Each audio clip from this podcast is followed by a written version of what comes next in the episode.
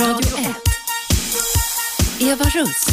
God förmiddag kära lyssnare. Idag hoppas jag att du sitter trollbunden tillsammans med mig och min vän och gäst idag Samir Sabri. Därför att idag ska ni få höra den helt otroliga historien om hur en person som vid 15 års ålder av, på grund av fruktansvärda omständigheter inom familjen utvecklar ett hat och startar ett krig mot sig själv inte minst, men också mot andra med, med droger, narkotika och tung kriminalitet plötsligt gör en hel omvändning för bara fyra år sedan och efter det är en mycket välanpassad eh, svensk och världsmedborgare kan man säga, äkta man och pappa och som nu viger sitt liv åt att ge andra kriminella en andra chans. Välkommen hit Samir Sabri. Tack så hemskt mycket. Du ringde ju in till mitt program för mm. några veckor sedan och den historien du berättar bara en liten del av ja. var ju precis som du sa, sätt dig ner Eva för nu ska du få höra någonting som du inte har hört förut. Ja. Eller hur? Ja, det... eh, och Jag tänkte att lyssnarna ska få ta del av den här livshistorien idag för att det, det, du representerar, du ska strax få berätta vad som har hänt mm. dig, det är ju den här eh, oerhört goda tron till att allt är möjligt att förändra. Absolut. Men det trodde inte du för tio år sedan kanske? Eller? Nej, det, jag var ju fortfarande i krig med mig själv och mot eh, samhället och staten och där man har blivit sviken. Så att det där lilla ljuset, det fanns inte för mig. Nej. Det var ju nattmässan och det var droger och det här muren som man bygger runt omkring sig. Mm, mm. Innan vi går in på hur det här liksom debuterade kan man väl mm. säga, kan du berätta hur länge du har suttit i fängelse och var, varför du har gjort det? Sammanlagt har jag suttit, vi har ju suttit och räknat ut det där, cirka 12 år effektiv tid. Och eh, det började då med det här med mordet och eh, där jag kom in på en ungdomsklinik i Fruängen. Eh, ja, vill att jag ska berätta? Nej, jag tänkte vi ska ta det alldeles strax, ja. men jag tänkte det, det har blivit dömt för efter det. Vi ska ta det som startade det hela, ja. de här 12 åren. Ja. Vad har din kriminalitet bestått av, Sami? Ja, det har ju varit, det mesta är ju, det är grova rån. Eh, jag satt ju inne, vad var det, 2000, nej, 1990 tror jag åkte in första för bankrånet ute i Alby. Vad var det för någonting? Eh, det var ett bankrån som vi, som vi gjorde och eh, som första gången då som jag åkte in då som fick fängelse och jag fick två och ett halvt år. Mm. Och jag kom in på anstalten och jag fann ju nya vänner och Eh, jag hade ju andra vänner som, som åkte fast här, de la ju ner i stort sett. Eh, och en del fortsatte. Men jag märkte att eh, det var ju, det var ju häftigt och man fick, de jaha, vad sitter du för? Ja, bankrån. Oh, wow. Så man fick en liten status där inne när man Absolut. kom in och det gjorde inte att du slutade direkt Nej. utan att du fortsatte kan den, man säga. Den. Vad, rån, vad har du, är det rån du enbart har gjort? Eller ja, det, det mesta är ju, det är ju rån som man har. Som ja, banker då? Eller banker och transport och ja. allt möjligt. Med okay. vapen inblandade Absolut, eller? ja. Okay. Det har varit eh, Vissa, ja, vissa har ju inte åkt fast såklart, mm. så att, eh, men det har både varit skjutning och det ena och det andra. Okay. Och grejen där har ju varit liksom att med det här hatet så har det byggts på liksom att eh, många gånger så tänker man som en rånare att eh, in till banken, ta pengar snabbt ut. Jag tänkte in och ta, bank, ta bankens pengar och eh, hoppas att jag möter en polis. Och det är skrämmande. Varför ville du möta en polis, Samir Sabri? För att jag eh, vill ha en liten orsak att eh, trycka av.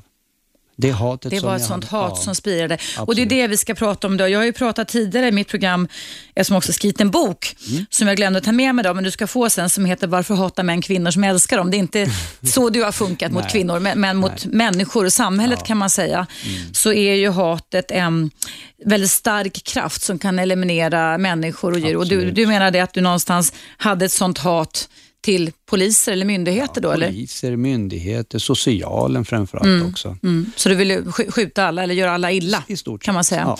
Och Då tänker jag då ska vi börja med mm. den otroligt olycksaliga händelsen som, mm. är det så eh, Sami, som var startskottet för att du utvecklade det här oerhörda hatet? Ja, faktiskt. Kan du berätta vad som hände? Jag kan berätta så här mm. att eh, redan från början, eh, eh vi, vi tre syskon Eh, där, eh, där min pappa, där vi flyttade över till Tensta 1983. Och eh, där min far då säger till mig att jag ska mörda hans fru. Eh, en gång till. Din far säger till säger dig. Hur gammal mig- är du då Samir Då är jag ungefär eh, mellan 14 och 15. Det, det är någonstans Okej, där. så din far säger att du Att ska ska mörda din styvmor Ja, alltså, som du exakt. levde tillsammans Som med då levde eller? tillsammans, ja. Det är ju en oerhört grotesk eh, Ja. fråga överhuvudtaget, ja. eller hur? För mig, tänk, jag tänkte, men det är väl bara att gå och skilja dig. Jag menar, Mm. svårare är det inte. Nej. Eh, och, eh, men jag, jag tänkte inte mer på det där, men sen kom, gick jag på mig igen och eh, sa, men du ska göra det här nu, förstår du? Varför händer ingenting? Och jag tänkte, men herregud, han menar ju allvar i det här. Mm. Hade de äktenskapsproblem då, din pappa och din styvmor? Ja, min far, eh, eh, min far sa ju att, eh, att eh, jag sa, men varför? Han bara, ja, men eh, han, hon säger att eh, antingen är det barnen eller mig du ska välja och det tror inte jag på. Men hade han barn med di- din styvmor också? Nej, Nej. nej. Mm. Så att det, men sen eh, en, en morgon så, så vaknar jag till där och eh, springer in i vardags, eller sovrummet. Och Vilket år är detta? det här är, jag kommer ihåg exakt datum, 21 maj 1986. 21 maj 1986. Ja, den dagen glömmer man inte. Nej. Och vad hände då? Vad blev du vittne till? Ja, då kliver jag in i rummet där och ser att han knivhugger henne. Din styvmor? Och, eh, ja, jag, Var, jag, jag, kniv, var knivhuggaren? Alltså, ja, det är över, över, Över hela kroppen? Jag läste ju alla rapporter, det var mellan 60-70 knivhugg. Oj, oj, oj. Och jag står där paralyserad och, eh, och, och ser på det här och eh, jag kan bara säga så här, mi- mitt i allt det här så då stannar ju hela världen. Man, man vet inte om det är verklighet eller lever man, drömmer man Mm. och eh, det, man vill inte tro på det här. Mm. Men efteråt så, så, så blir, man känner ju det här känslorna, alltså, de bara försvann. Det fanns inget, det var Man som ett stäng, tom- släcker ner man och stänger släcker ner, av. va? Ja. Och du var en liten pojke på 15, Ja. 14-15. Ja. Och det måste varit, alltså, man kan inte föreställa sig att se den sidan. Nu kan man ju se den i filmer i och för Ja. sig, men då vet man ju att det inte är äkta blod. Men det måste Nej. varit otroligt blodigt och Ja, det- hemsk upplevelse. Ja, det, Oj, oj, oj. Och ehm, vad hände sen? För det, Eh, sen hände det så att eh, ja, han gick ju därifrån. Han eh, uppmanade mig att jag skulle ta på det här, annars skulle inte, annars skulle inte jag få se honom mer. Och, eh, pa, din pappa, pappa. uppmanade dig att du skulle som ta på på, det- ta tonåring på ta på det. dig mordet av Ja. styvmor som han hade utfört. Ja, och eh, där, eh, ja, utan tvekan så, eh, ja jag fattar inte, men i den situationen, jag tror inte man har så mycket val. Antingen Mm. bryter det ihop eller, Mm. eller så står du stilla, helt paralyserad. Och, Mm. och eh, ja. Och eh, där jag då eh, eh, gjorde en grej. Eh, han försvann ju därifrån och jag låste ju dörren. Jag var ju rädd. Det ligger en död kvinna där, du har ju sett allt det här. Och eh, där jag tar alla kläderna. Hade jag nog inte varit så pass smart vid den tiden så eh, då hade han åkt fast. Mm. Hur då menar du? Jo, för att eh, hans fingeravtryck var ju kvar på kniven. Mm. Och kläderna eh, fick jag gå och slänga. Mm. Så att eh, han tänkte ju inte heller för sig. Mm. Jag tror inte det var riktigt planerat heller. Va? Nej. Så eh, jag tog i kläderna och slängde iväg dem. Kommer tillbaka till lägenheten och mitt i allt det här så, så tänker jag, och vi, vi, vi barn också, vi är väldigt så här också, att man försvarar sina föräldrar. Mm.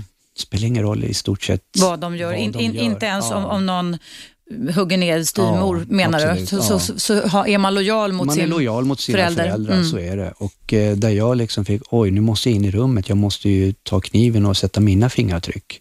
Och du är en liten pojke på Liten 14 pojke. ja. Ja, så att eh, jag öppnar dörren där och ska in i rummet, det är helt blodigt och eh, av min fasa så när jag kliver in där så, så ser jag kniven och eh, den är instucken i henne.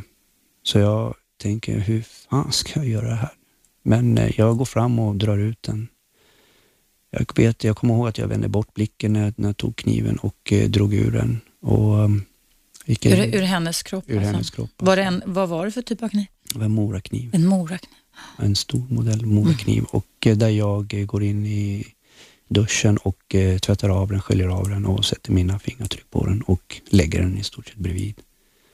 Och låser dörren med en gång. Mm. Hon är ju död men av känsla och rädsla och alltihopa så tror man, Mm. jag tror liksom, tänk om hon vaknar eller något sånt där. Ja, man, det, det är ju Man- så surrealistiskt och man- ja, overkligt det det, du är med om. Ja. Men sen ringer, så jag sätter mig och ringer till polisen. Mm. Så, sen såg jag bara deras framfötter framför mig, så jag måste ha varit en dimma där Ja. också. Någon, för de sa, Svårt traumatiserad skulle jag vilja säga, Ja. Samir. Alltså, Ja. Jag kommer ihåg att de sa öppna dörren. Så jag gick jag fram och öppnade dörren och sen var det som borta igen där. och sen var du borta och sen blev du, blev du den som fick ta på dig det här mordet. Alltså Ja. du, I och med att du, din pappa hade gett dig den Ja. suggestionen, kan man nästan säga, orden som gick in i ditt medvetna jag och undermedvetna Ja. jag. Så var det så då att du i förhören efteråt hävdade att det var du som hade dödat din Ja. styvmor? Absolut. Det, det, det, det, det, det sjukaste var ju att jag, eh, eh, när, när jag satt på förhören, när jag berättade och eh, när vi skulle väl till rättegången till det här, Mm. Då var det en enda som sa, det var min mamma, hon sa till mig att Samir, jag vet att det inte är du. Mm. Du måste berätta sanningen. Sanningen. Du, du, för annars eh, kommer du få jättejobbet framöver. Mm.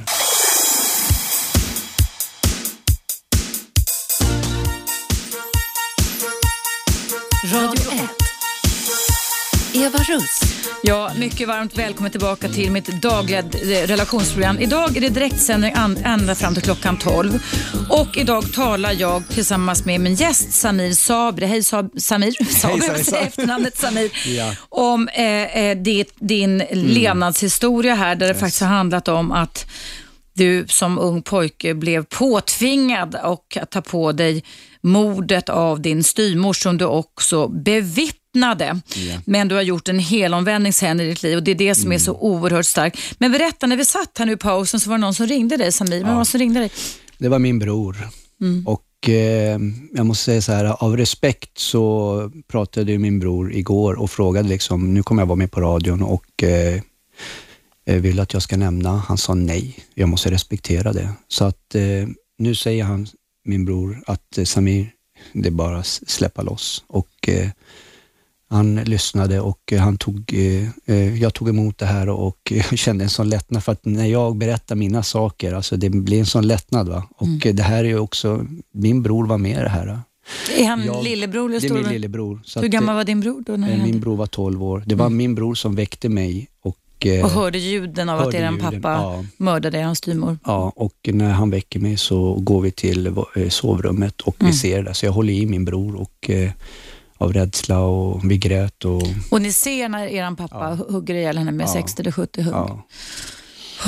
Ja.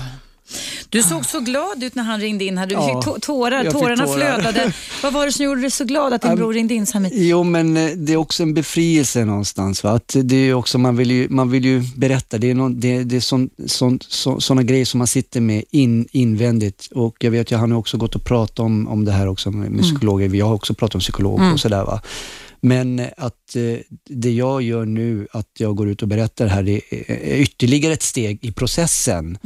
Där man liksom eh, försonar sig med olika saker runt omkring. Så jag tror bara min bror måste ha känt någonting där.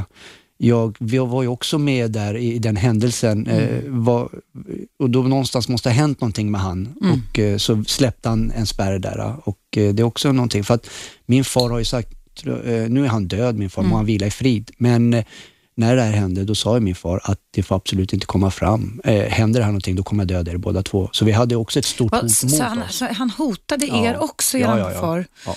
Men du, innan det, detta fruktansvärda Mm. mord skedde, där du och din lillebror var vittnen till det Ja. och du fick ta på dig det. Hur var din pappa mot er och mot era mamma? Alltså, Ja. Det- det Men med din riktiga pappa- mamma ja. eller styrmamma? ja, båda och, Både tänker och. jag. Eller, ja. Jag kan säga så här, eh, eh, nu när jag, när jag tänk, tänker tillbaka så var min pappa väldigt hårt mo, hård mot kvinnorna och eh, där han styrde och ställde. Och eh, Han påpekade hela tiden, men jag slår inte er, det är er mamma som slår er. Men eh, det, det förstod jag inte då. Det är nu efteråt när man blir äldre, man, han har ju psykat, han har ju hjärntvättat eh, oss och eh, när han misshandlade min mamma. Han har gjort kvinn- det alltså? Ja, ja, Ja. Han Mm. misshandlade ju min mamma och sen min mamma eh, slog oss då. Mm. Men jag, då tyckte jag inte om mamma då. Men Mm. efteråt så förstod jag eh, att bli psykisk misshandlad är Mm. nog värre än att, visst jag får en örfil, aj, det, Mm. blir lite rött och, och sådär men, Men psykiskt, det är nog lite värre. Det, Mm. Alltså för, för, för, för min del.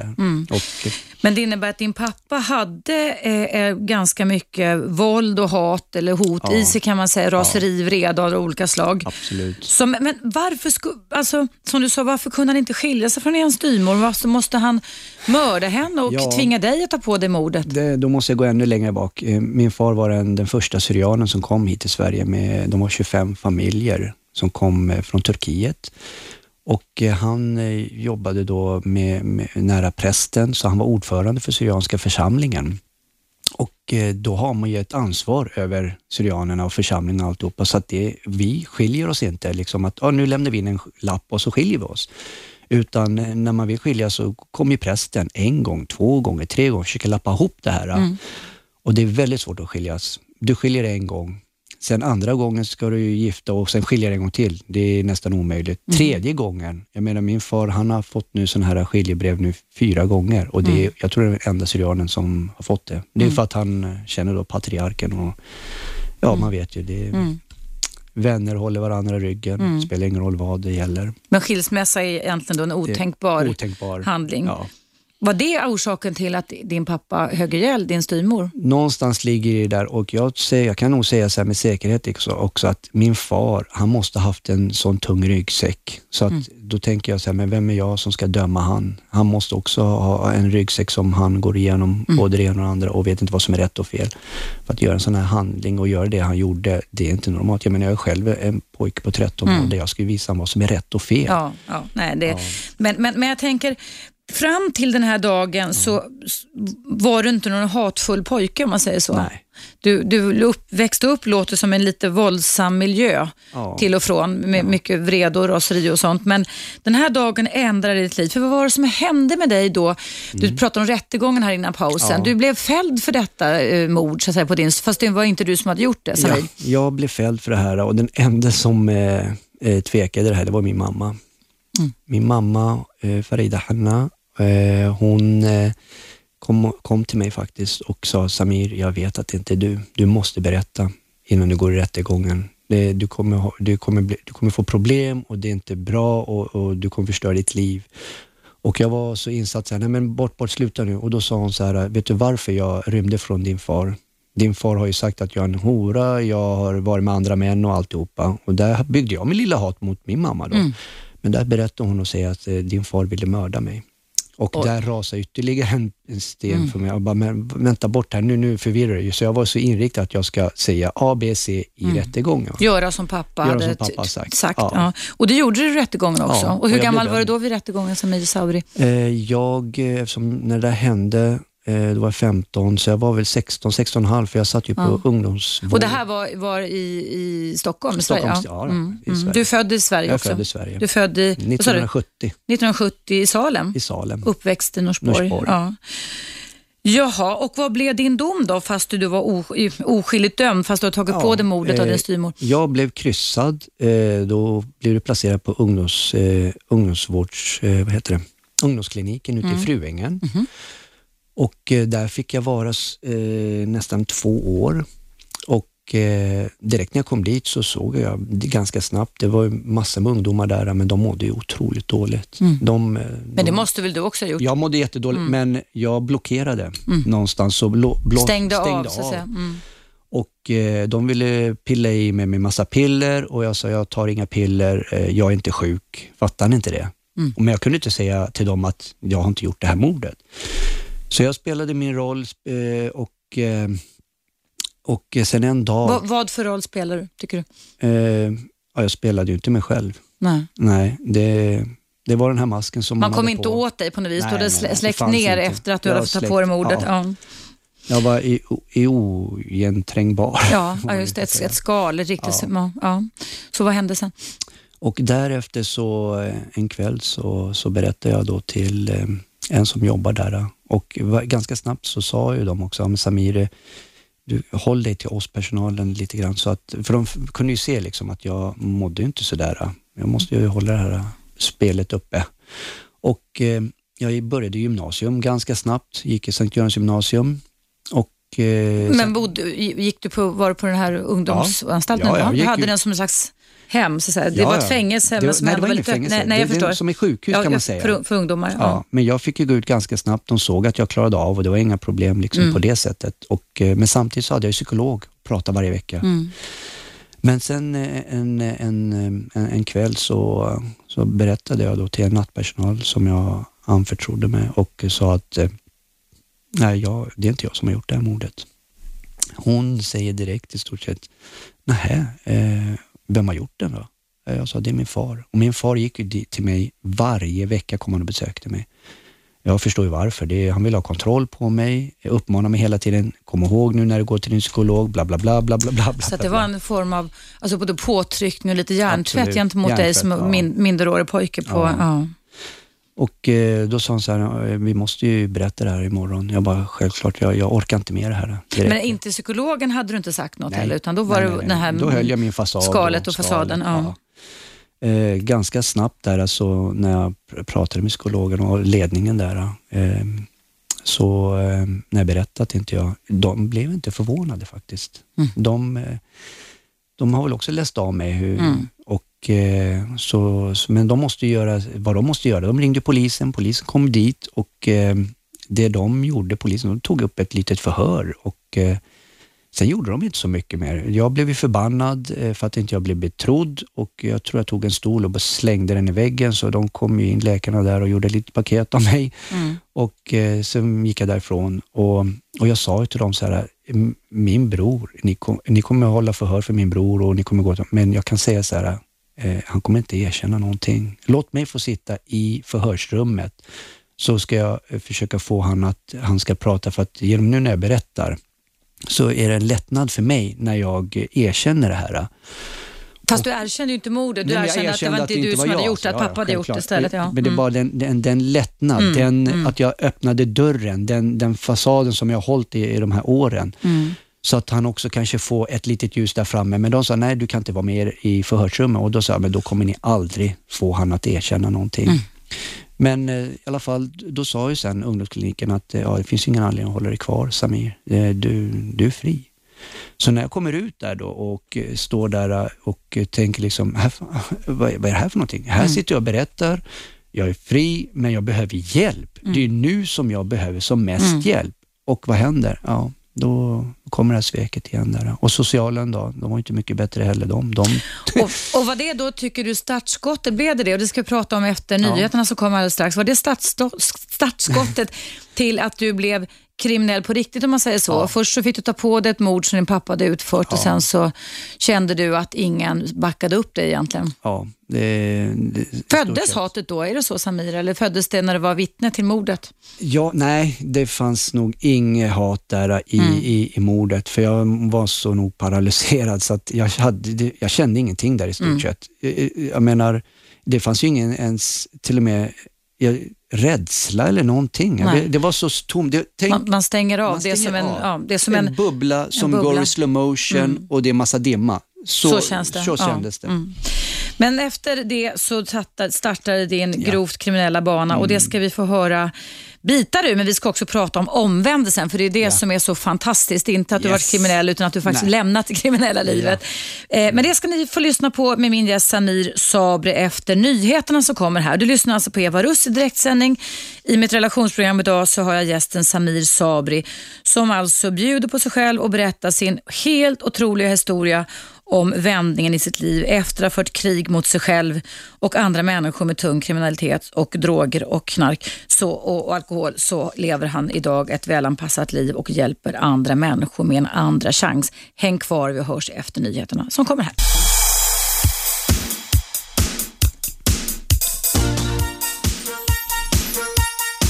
Radio 1. Eva Russ. Ja, mycket varmt välkommen tillbaka till mitt relationsprogram. Det är direktsändning och här inne i studion har jag Samir Sabri. Hej Samir. Hejsan, hejsan. Du berättade en oerhört otroliga och känslostarka och känslosamma historien om hur du har brutit eh, mot ett krig mot dig själv, mot samhället med tung kriminalitet, droger och alkohol och blivit helt omvänd. Ja. Eh, I pausen här så fick vi eh, återigen ett helt otroligt samtal. Ja. Berätta vem som ringde in här.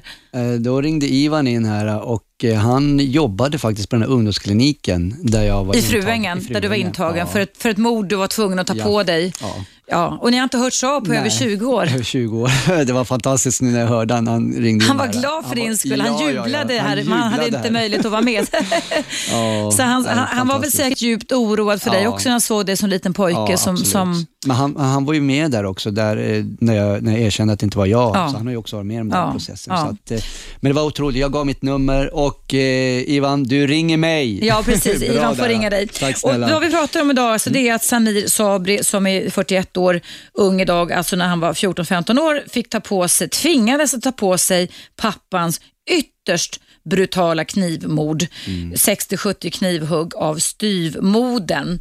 Och vi var innan pausen inne på det här med Samir, att hur ditt hat utvecklades. Mm. Du, du kände dig sviken av samhället. Du, du, du var, var liksom satt på den här ungdomskliniken i Fruängen Mm. och sen erkände du efter två år och sa att det var inte jag som gjorde det, det var min pappa. Mm. Och eh, vad gjorde myndigheterna då? För det var där du sa att ditt Ja. hat, debuten för ditt hat Ja, det, satte igång så att säga. Mm. då trodde jag liksom att man ska få hjälp. Jag menar, och eh, det sociala gjorde det. De placerade mig tillbaka till min pappa och jag var men hallå. Fast, fast det var han som hade utfört mordet. Ja, ja poli, eh, polisen och, och socialen, de har ju hört min historia. Mm.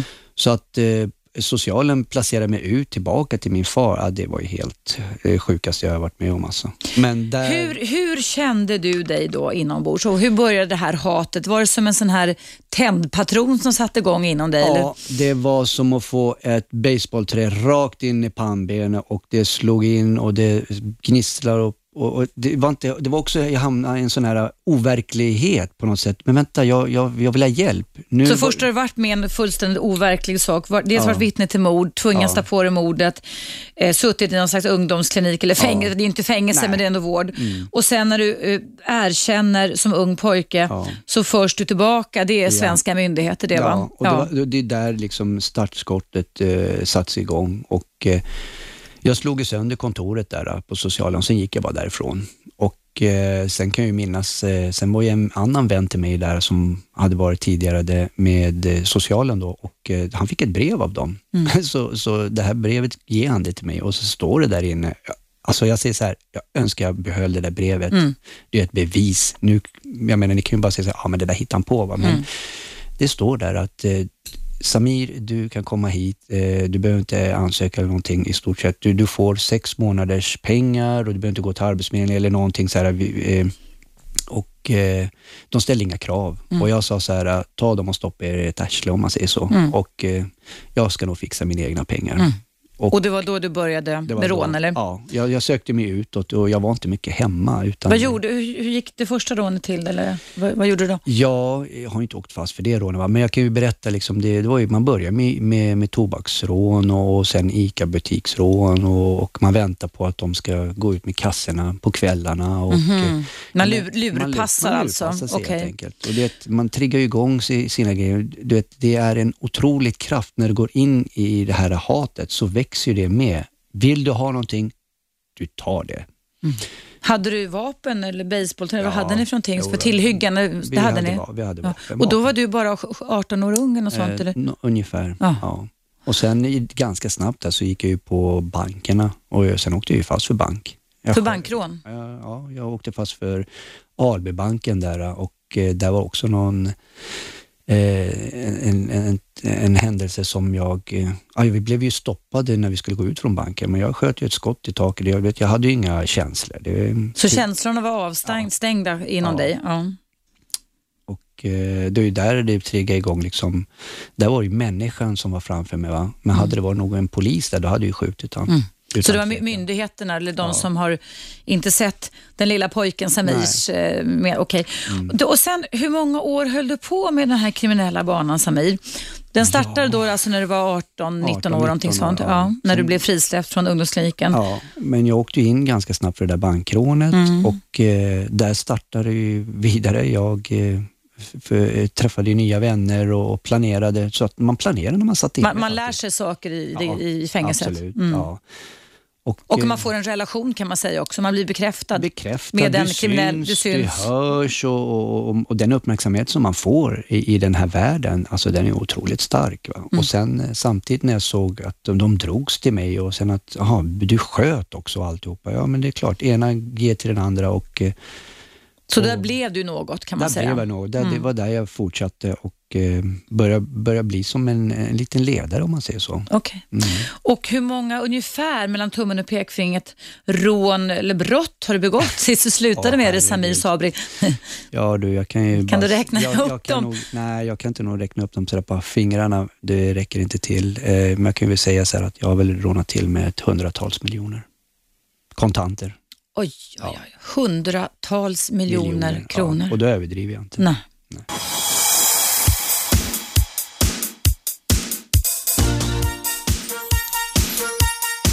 Radio 1. Eva Russ.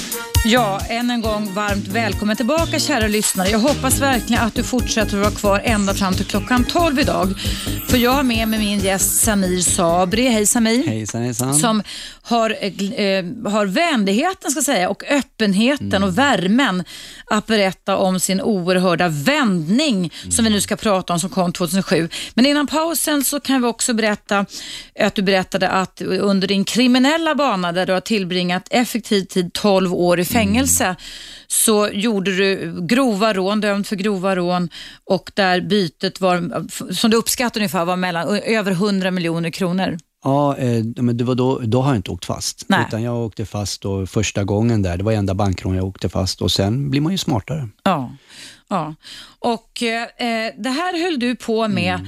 tills en, någon, eh, någonting hände. Och nu tänker vi ska komma till att någonting har hänt. Att det har hänt dig, att du har varit vittne till ett mord din pappa utfört och du fick ta på dig det. Det är helt otroligt sant alltså. Men Mm. nu ska vi höra, vad hände dig 2007? Var satt du då och vad gjorde du då och vad hände då? Ja, då var det så här att eh, jag blev utsatt för en, en slags brottsprovokation där, eh, där polisen då i stort sett eh, riggar upp ett, ett brott och där man blir allierade då med en informatör. Eh, Det var startskottet och jag åkte fast för det Var det 2007? 2007. Ja. Mm. Jag åkte in. Varför ville de sätta fast dig då igen? Du hade ju Ja, redan suttit i vet, fängelse i ja. 12 år. Ja. Nej, men du, de vet ju, det, det finns en viss person inom, i, inom eh, Nova-kommissionen, nu jobbar ju inte han kvar där, han jobbar ju med, med eh, säkerheten inom transport. Han har koll på mig och jag har koll på han. Ja. Vi kommer mötas en vacker dag där vi kan pratas ut Mm. också. Men alltså blir- det var någon slags kupp Ja. mot dig kan man säga. Ja, För varför ja. det? Du har ju fått Ja, dina men- straff. Jo, jo, nej inte på det grunden. Nej. Det, utan det är liksom, eh, de vet ju vem jag är. De vet att jag organiserar sådana här saker, stora rån och Mm. varje rån eh, inbringar ju mellan eh, 15 till 40 miljoner. Och det kan du göra otroligt mycket pengar. Du kan göra massa Du var den saker. smarta hjärnan bakom de här rånen kan man säga. Ja, duktig på att organisera. Ja, jag Mm. de här. Och eh, det visste ju polisen, så de har ju all information. Så den här mm, polisen då, han sa sagt en vacker dag innan, alltså innan jag går i pension, då ska jag banne mig få in det på 10-12 år. Jaha, så det är deras det blir- mission så att Ja. säga i livet. Okej. Mm. Så att, eh, ja, jag gjorde mina grejer och eh, delade med mig och man växte och växte och växte. Och jag menar, kärlek kan du inte köpa med pengar. Mm. Eh, Men du åkte fast sen sa du 2007 när vändningen kom. Ja, då hade Där- de gillrat en fälla kan man ja, säga. och jag åkte in och där märkte jag liksom, herregud, nu, nu kommer det här fasansfulla grejen som jag har eh, fasat för och eh, då, Vad är det du har fasat för Samir att Sabri? sitta inne, sitta inne igen för någonting som man inte har gjort. Eftersom du fick göra det som Ja. tonårspojke. Ja. Och där Mm. tänkte jag så här, nu är, nu, är, nu är det de som bestämmer. De kan trycka in mig när de vill i stort sett. Och jag riskerade, En maktlöshetskänsla Ja. en fruktansvärd Ja. känsla som redan planterades som när du var planteras. 15 år. Ja. Ja, och eh, där sa jag så här, redan där när jag kom in då på anstalten, eh, där har nog bestämt direkt, alltså nu räcker nu lägger jag av. För att, eh, jag, I stort sett så springer man från, från, från sitt förflutna och du kan inte springa ifrån det. Det hinner det fatt dig, så är det. Och eh, eh, kombinationen där jag träffade Igor Cantillani, jag träffade han redan 96 med Vem, vem är det? Igor Igor Cantillani? Cantillani, han eh, är en teaterregissör och eh, han har hållit på med det i över 30 år. Och jag träffade han redan på Norrtäljeanstalten Eh, som, och Det var där jag fick kontakt med mina känslor faktiskt. En liten gnutta, om jag säger så. Vad gjorde han för någonting? Var han alltså det här med att Han- regissera pjäser ja, då med fångar? Eller? Han regisserade pjäser med oss fångar och fick oss att känna oss levande. Och, eh, och, och bara liksom få spela teater och, och, och, vet, eh, och sen få applåderna och, och stå där och, och känslan bara, det här har jag gjort och det är en resa med dig själv någonstans. Mm. Och där fick jag den känslan, men jag försvann i dimman igen. Jag var inte redo. Och eh, där nu 2007, där kombinationen där jag sa, nu, nu räcker det med det här. eh, Du Det, fattade någonstans Jag ett fattade. eget inre Eget beslut inre att nu måste jag beslut. lägga av med det här kriminella. ja, men jag, vet, jag tänkte liksom, du kan inte bara hoppa av. Du sitter Mm. på toppen av en sån här, i stort sett en arbetsförmedling där du delar ut rån höger och vänster. Va? Mm. Och eh, du har ju ett ansvar. Jag hade ju hur många killar som helst och eh, det ansvaret kan du inte heller släppa. Så man kan säga att det är som ett jobb att vara kriminell. Jobb, Ja. absolut. Det, det är inte nog med det. Du har ett stressigt jobb 24 timmar. Mm. Ständigt jagande, vänder om ryggen. Du vet inte när, eh, när polisen eh, slänger in granatbomber i lägenheten och de ska ju röja och det ena och det andra. Så att eh, jag kan ju verkligen säga att det är inte attraktivt och eh, hälsosamt faktiskt. Mm. För att du kör slut på det helt enkelt. Om du inte kör slut på det själv så blir du ju mördad för det är någon som vill ta din plats förr eller senare. Hade du sådana hot omkring det? Nej, inte på det sättet. Eh, Men eh, förr eller senare så är det en liten skorpion där nere som vill eh, klättra upp på vägen. Mm. Precis som jag. Mm. Och vill ta den platsen och den makten. Mm. Så att, eh, ja. Så, och därav, eh, där jag eh, satt i den positionen, så då sa jag så här, nej men nu lägger jag av. Jag fick ju lite motgångar, men jag kan bara säga så här, ju tjockare bankdörren var, desto roligare var det. Säger du? Ja, så är det. Eh, och, Du eh, menar att, att det var, alltså just det här att det var svårt? ju svårare är det triggade desto- dig triggade att, att, Ja. att öka på rånhastigheten? Ja, eller man, man, gick ju på Ja. olika, man gick ju på olika projekt och, och ju svårare det är och man ska in i näslet och där ligger ungefär 500 miljoner. Ja, men klipper jag en hundring där det är suveränt alltså. Mm. Och, eh, och det triggar ju igång en. Och ju svårare det är, som jag sa, det, det, det var ju bara roligare. Mm. Alltså det, det som slår mig, och nu har ju, det, vi träffats första gången idag och tar, tar oss i telefon, det är att du har ju berättat för mig att du var egentligen två olika ansikten Ja. under din kriminella bana med. Idag ser jag världens vänligaste, varmaste, godaste man som sitter framför Ja. mig här med du har världens Tack, finaste tack, leende och tack, fina tack, tack. ögon. Det är så himla svårt för mig, Ja. även om jag har träffat massor med människor som har varit med om allt möjligt, att föreställa mig att du har varit den här hårda Mm. Hårda. rånaren va? som nästan har haft blodtörst i munnen och blodsmak och vill döda andra. Mm. Men berätta, hur, på vilket sätt var det två ansikten under din rånarbana? Jag kan ju säga så här, ju, när du väl får in, inbringar in sådana här stora pengar så kan du inte ha dem under huvudkudden. Utan eh, de måste ju investeras. Det investeras i olika företag. Och där man satte olika personer i, i, i dessa restauranger eller var nu man köper upp. Så du hade alltså en, en business utåt kan man Ja, säga, affärsman var eller affärsman, liknande? ja. Ja. Jag var ju ansikte ut och hade restauranger och det ena och det andra. Och, eh, å andra sidan när natten, natten föll in så blev den här andra ansikten. Det var ju på festerna och röjning och det var bilar och resor och, och, och knarket och allting. runt omkring. Men du, en sak som är också viktig som vi ska komma in på, det var under hela den här tiden du var kriminell Mm. och du fattade beslut 2007 Ja. att nu får det banne mig vara nog. Det är ju inte många man hör talas om som gör det. Nej. Men du hade ju också en familj under den här tiden. En fru som lojalt har stått vid din Ja. sida i 21 år. 21 år, en fantastisk fru som jag Och hon har. är fortfarande din fru Samir. Ja. Hur har detta gått till? Hur är det möjligt Ja. att frun kan stå ut med detta och stå kvar? Allt är möjligt. Ja, allt är möjligt. möj- För mig finns det ingenting omöjlighet. Nej. Men jag ser så här. För hon har väl försökt för dig att sluta med din kriminella bana också? Eller? Ja, men kanske inte på det sättet heller. Ja, hon, hon är så pass klok att hon klev inte på mitt inre och hon förstod väl att jag hade ett krig inom mig själv. Mm. Och hade hon klivit på och sagt ajabaja, ajabaja höger och vänster, då hade jag nog flytt. Så, Mm. Men var inte hon, det här måste ju påverkat hela familjen. Att Självklart. pappa gör rån, pappa sitter inne. men, och, ja. men en grej, det är det som jag jobbar nu med ungdomar, att jag tror på dem. Mm. Det är ju den här starka tron som hon har haft. Hon har tro- hon har trott på dig, Hon har fru. trott på Mm. mig och att det går att vända. Mm. Och hon har stått vid min sida 110 procent och eh, den känslan, wow säger jag. Det, hon måste vara väldigt stolt. Lyssnar hon på vårt program? Hon lyssnar, ja, vad bra. Hon, lyssnar. hon måste vara väldigt, väldigt stolt ja. och, och, över dig. Och, och så har hon en, en fantastisk eh, mamma mm.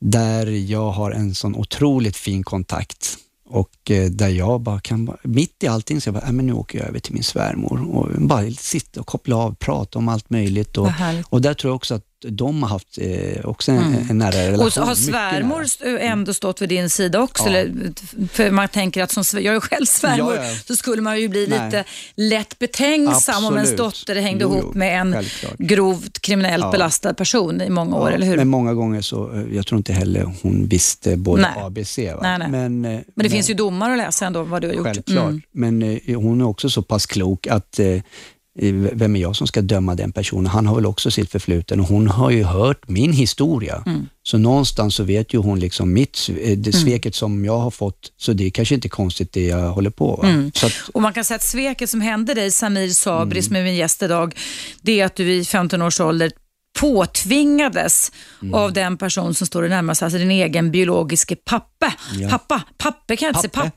pappa, pappa, att ta på dig det mm. ytterst, ytterst bestialiska mordet, knivmordet på mm. din styrmor och du fick alltså eh, straff för detta och det är där hatet började gro ja. inom dig. Men sen stopp tappade alltså, man, man, Jag tänker, du har ju berättat det här att du var en mm. bra organisatör på att planera mm. stora grova rån och så vidare. Mm. Men är det verkligen så lätt att bara kliva av? Är det inte så att man är indragen i ett nätverk jo, där absolut. krafterna vill dra en tillbaka igen och man kan uppfattas som en svikare ja, och, och du var en smart, smart kriminell jo, jo. kille? Eller?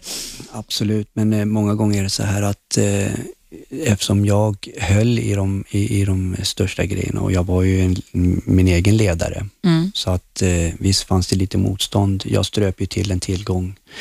Och, eh, ja, deras liv blev ju påverkade ja, av att inte ni kunde råna nej. lika mycket och få ja, lika mycket byten om man ja, säger så. Absolut. Och eh, visst, alla måste gå sin egen väg. Mm. Och eh, det var ju motstånd och jag, som jag sa mm. tidigare, jag går igång på motstånd. Det mm. gäller att visa vem man är då också. Sätta på sig den här mörka eh, masken då. Mm. Och ja, köra. Och du vet, när man har sett så mycket saker och ting eh, mm. runt omkring, och mm. död och mord och allt det där mm. runt omkring, så att man är inte så rädd egentligen när man är i de här Nej. situationerna. Men efter 2007, och det ska vi berätta om sen vad du gör idag och hur du mm. använder det här, då har du aldrig, är det så Samir mm. Sabri, att du har aldrig någonsin mer ägnat åt någon kriminalitet? Ja. Det är Absolut, totalt, totalt, precis som man säger, någon det, som har druckit, det, totalt tänk, vit tänk, så att säga. Ja, tänk, tänk dig så här, liksom, vakna upp från en bubbla och, eh, och sen bara se sin fru och sitt barn där. Jag tvekade ju inte.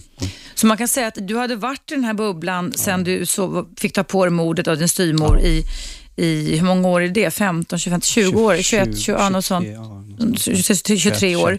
Och det som bidrog till den här vändningen, och det ska du berätta om efter nyheterna som kommer alldeles strax här, det var dels ditt beslut, men också att du fick kontakt med känslorna inom dig ja. via en teaterregissör som hette, kan du säga hans namn en gång till? Det var Igor Cantigliani, det var vändningen där. Mm. Och eh, där, där, var ju den här... Han kom ut till anstalten Han kom ut till anstalten mm. och det är den här drömmen som har varit, om, om jag blev upptäckt där, mm. ja men jag vill också köra teater och det är det jag håller på med, med Kent Ekberg ute i Kärrtorp. Ja, och det ska vi berätta om ja. mer efter pausen. Och då kan vi säga också Samir, att mm. nu är det väl okej okay att folk kan ringa in och störa oss lite i vårt samtal, ställa Absolut. frågor till dig.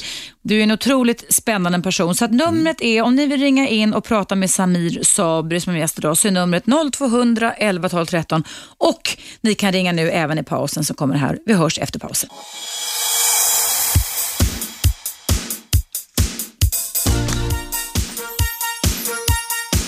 Radio 1.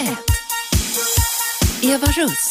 Mycket välkomna tillbaka. Jag och min gäst Samir Sabri är här fram till klockan 12 och Samir är, du är unik eftersom du har vänt dig bort ifrån ditt tungt kriminella liv som du levde i över 20 års tid och Tack. är helomvänd och ja. jobbar idag med att hjälpa andra, inte minst ungdomar och det ska ja. du få berätta om idag. Men vi ska koppla in ett samtal. Mm. Vi ska se om Andreas försvann här. Hallå, vem är där på tråden? Ja, hej, det var Anna. Hej Anna, hej, välkommen till vårt program. Hejsan. Tack, tack. Hej. Eh, jag har ringt in förut. Jag vill bara säga att du är otroligt stark människa som tack, har klarat av att gå igenom detta. Ja. Och, eh, eh, jag vill bara säga att det är fler som... Jag har ringt till dig förut eh, angående att jag själv har växt upp med en pappa som både har misshandlat mm. mig... Ja, du har ringt in till mitt program menar du, eller, ja, eller till Samir? Till mitt program, okej. Okay, ja. Nej, till ditt program. Ja. Eh, där jag har mått fortfarande dåligt. Och då vill jag bara säga att vi är fler som går igenom det där. För ja. att den dagen jag polisanmälde min pappa när han hade mm. tagit stryptag på mig. Eh, så alltså jag var 14, jag tror att jag var 14 eller 15 mm. år. Och det tog mig fruktansvärda krafter att överhuvudtaget våga mig till polisstationen. Mm. Och där eh, satt jag med, de filmade in mitt polisförhör och, eh, och sådär. Och, eh, men sedan så var det att polisen ringde till SOS. Ja. Och då var det att ja, men klockan är över sex så det finns liksom ingen jourfamilj att ringa. Och jag var ju helt hysterisk och var ju säker på att skickar de mig tillbaka till min pappa så kommer han döda mig. Och jag satt ju där och skrek hysteriskt och då mm. säger ju poliskvinnan att, till hon på SOS att mm. nej men så här är det att hittar ni ingenstans för henne att ta vägen, då tar jag med mig henne hem. För att mm. jag kan inte skicka hem henne till hennes mamma och pappa tyvärr. Nej. Eh, men nu blev jag skickad till en släkting då. Eh, men sen var det att jag, jag, jag skjutsades ju hem igen. Mm. Jag blev ju också hemskickad. Så att efter en vecka då fick jag gå hem och, och då hade han väl lugnat ner sig lite grann för mm. han blev ju rädd. Men sedan så flyttade ju vi från Norrland längre ner i landet och mm. där började problemen ännu mer för då hade inte vi släktingarna runt oss utan då kunde han jobb, göra vad han ville mm. så där var det ännu mer. Mm. Och där, där har jag också upplevt det här med att jag har blivit eh, ja, men det hotad. Han har gått runt med kniv hemma och sådana grejer. Mm. Och det har påverkat dig jättemycket. Men du har också, visst har du ringt in förut, du har väl börjat ett, kunnat skapa ett eget ja. nytt liv och familjeliv också för mig. Ja, det var jag som ringde in som har fem barn nu. Ja, så var det. Just det. Ja, det var en underbar man och det. Men helt fantastiskt. Det, som sagt, det, jag förstår, det är det här sveket ja. det SOS inte förstår för att de har ett jobb Nej det är som att de har ett jobb som slutar klockan sex och efter klockan sex så bryr man sig inte om. Vi som är i den situationen, det är ju vårat liv. Absolut. Mm. Och, och, det är så här, liksom- man ska inte dra alla över en kant. Jag hade ju också det här hot, eh, hatet mot socialen och alltihop och nu samarbetar jag med socialen och det, bara det är ju fantastiskt. Liksom man, kan, man tänker så här, men du kan ju inte samarbeta med socialen som svek dig då. Jo, men när man själv sätter sig själv, jag tänker ju tillbaka till mig själv att jag har ju suttit i den här äh, saxen nu i över 20 år. Jag måste bryta mönstret. Och det är där jag tror det också beslutar, liksom, jag måste bryta mönstret. Nu när jag jobbar med ungdomar och, och, jag får till dem, jag kan ju inte ta hand om allihopa utan jag måste ha ett samarbete med socialen. Och det gäller mm. liksom att hitta de här rätta människorna och eh, någonstans så den som söker han finner faktiskt och det är ingenting är omöjligt. Nej. Men, det, är nog inte det finns det, härliga det... människor där hos socialen och hos polisen också. Men sen finns ju de här som eh, mm. tittar lite i böckerna för mycket och glömmer bort det och man blir ett nummer. Och ja. då måste man ju tänka så här också, socialen, de har ju också sitt ansvar, men du vet när man ska börja spara in pengar, ja då är det så att då kostar det mer i andra ändan faktiskt. Mm. Och det är det här förebyggande som är väldigt otroligt mm. viktigt. Och det tänkte du skulle få berätta lite mer om. Tack så mm. jättemycket för att du ringde in. Tack, Vi ska fortsätta, tack för att du fortsätter, tack, tack. fortsätter att lyssna på programmet. Ja, ja tack så mycket. Bra, tack, hej. hej. Ja, jag har ju alltså Samir Sabri här som eh, gjorde en helomvändning för snart fem, eller fyra, är det fyra och ett halvt år sedan. Fyra, år, du fattade ett beslut, du vågade bryta mönstret ja. och men vad var det som hände? Alltså, du pratade med mig här tidigare att du kom i kontakt med dina känslor. Känslor ja. hade du stängt av vid 15 års ålder när du, du blev sviken ja. av din far ja. att ta på dig mordet av din svärmor. Eller styr, svärmor, vad säger jag? Styrmor. Styrmor. Styrmor, styrmor, styrmor. Ja. Eh, jo. Hur, hur, kom du i kontakt med känslorna igen? Berätta. Eh, det var, det var ju när jag var på den här anstalten, Storbordanstalten. Vad hette den? Storbodaanstalten. Storbodaanstalten. Och då jobbade Igor Cantiliani där med mm. teatern. Regissören, Regissören. Alltså. Mm. Och eh, när jag såg han där, jag bara wow, där har jag han. Och kombinationen som jag gjorde, den här uh, one-to-one eh, eh, testet eller vad det nu heter, one-to-one eh, eh, ja, ett test som, som jag gjorde. Samtidigt när jag så ser han, samtidigt som jag eh, hade de här tankarna att jag måste bryta, jag måste göra någonting som jag inte gjort tidigare. Och där kom vändningen faktiskt. Och, eh, där... Hur kändes det att komma i kontakt med dina känslor igen som du hade utplånat ja, så att säga i så många år? Jag fick ju tillbaka den här känslan eh, 96 när jag träffade han på Norrtäljeanstalten med teatern.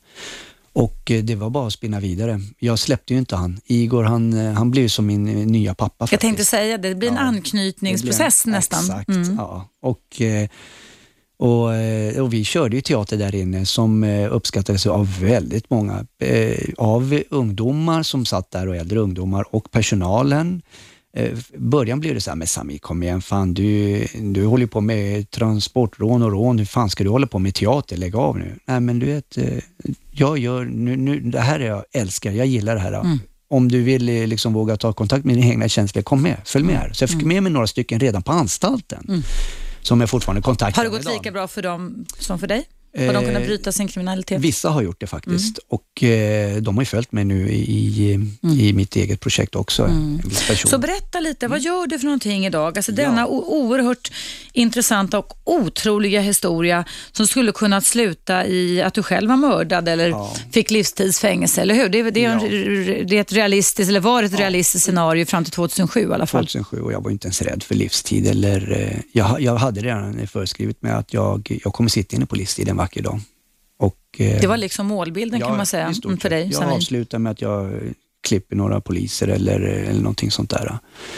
Och, ehm, Eh, med den känslan, eh, när jag fick den här vändningen, så... Och det var inte någon gud inblandad? Det var ingen religion nej, eller nej, något nej, sånt? för det hör man ju talas om också. Att det... ja, jag säger så här, eh, Gud och religion och allt. Du vet, jag säger så här, när man, ska, när man slutar med narkotika och kriminalitet och sånt där, då måste du ha ett annat verktyg som du tar till mm. där. Och det är så jag jobbar med ungdomar. Mm. Tar du bort någonting så måste du Men här var det relationella band. Här ja. var det band som också var ganska känslosamma ja. till den här eh, teaterregissören Teater. som hette Igor, Igor Cantiliani, Cantiliani ja. som hjälpte din helomvändning från grovt kriminell till att bli en hedersam medborgare. När släpptes du ut ur fängelse sen från Storbodanstalten? Eh, jag släpptes ut 2009 eh, så du har bara varit ute två år egentligen? Två och ett halvt ja, Två, två och ett halvt mm. år, ja. Och eh, jag fortsatte med teater med Igor.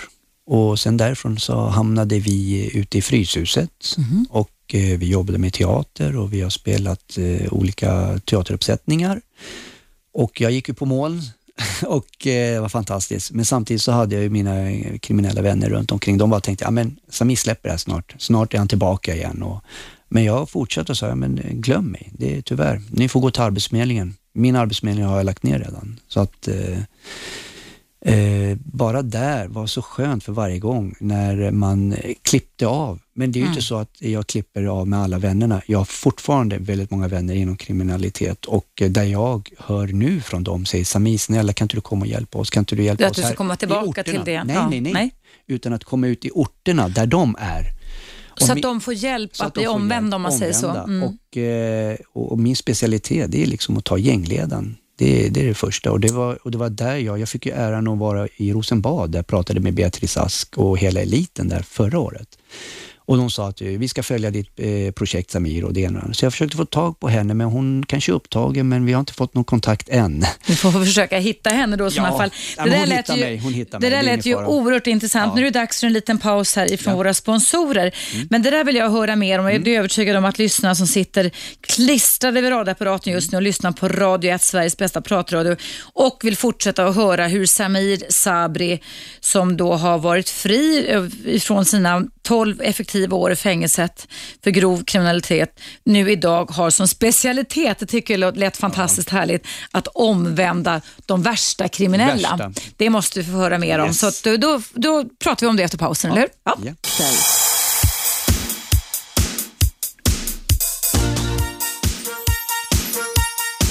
Radio 1. Eva Russ. Varmt välkomna tillbaka. Idag pratar vi med en person och om en person att det faktiskt är fullständigt möjligt att man kan göra en total helomvändning. Mm. Att gå ifrån sin grova kriminalitet och hatfyllda tillvaro till, som, till att förvandla sig själv till en älskbar och älskande människa. Mm. Och det har du gjort Samir Sabri. Absolut. Du bröt eh, mer än 20 års kriminalitet, grov kriminalitet Mm. där du eh, har tillbringat mer än 12 år effektiv Mm. tid i fängelser. Och idag jobbar du med att omvända de värsta gängledarna. Hur, hur går det till? Jo, eh, jag kliver in då i en kommun. Det är inte så att jag går upp till kommunen, tjena nu ska jag ta tag i kriminalitet. Utan de flesta känner mig. De vet vem jag är och, och känner de inte mig så har de väl någon storebror eh, som känner eller har hört talas om mig. Så att eh, jag tänkte så här, eftersom jag bor i Sundbyberg så ska jag ta tag i i kriminaliteten där ute och eh, inte bara kriminalitet utan utanförskapet för det är så lätt att man hamnar i utanförskapet så här. Alltså det går väldigt snabbt. Det, det, det säger bara pang och eh, så är det där. Och eh, de här gängen som finns runt omkring, de suger åt de här som flugor. Mm. När du inte hörs och syns där så, så kan du synas och höras hos dem. Mm. Och vi, Det handlar om bekräft, bekräftelse. bekräftelse i Mm. det stora hela faktiskt. Och, ehm, min, min specialitet är att jag tar tag i gängledaren och eh, allierar mig med han och säger att eh, är det inte dags att du vänder om? Och då självklart säger han, men vad är det jag ska vända om? Eh, kommunen lyssnar inte, socialen är skit och dittan och dattan, precis som, som jag kände. Och då säger jag så här, ja men titta på mig. Vad är din historia? Så, men innan du berättar din historia ska jag berätta min historia. Så när jag berättar min starka historia, då tittar han bara på mig, wow.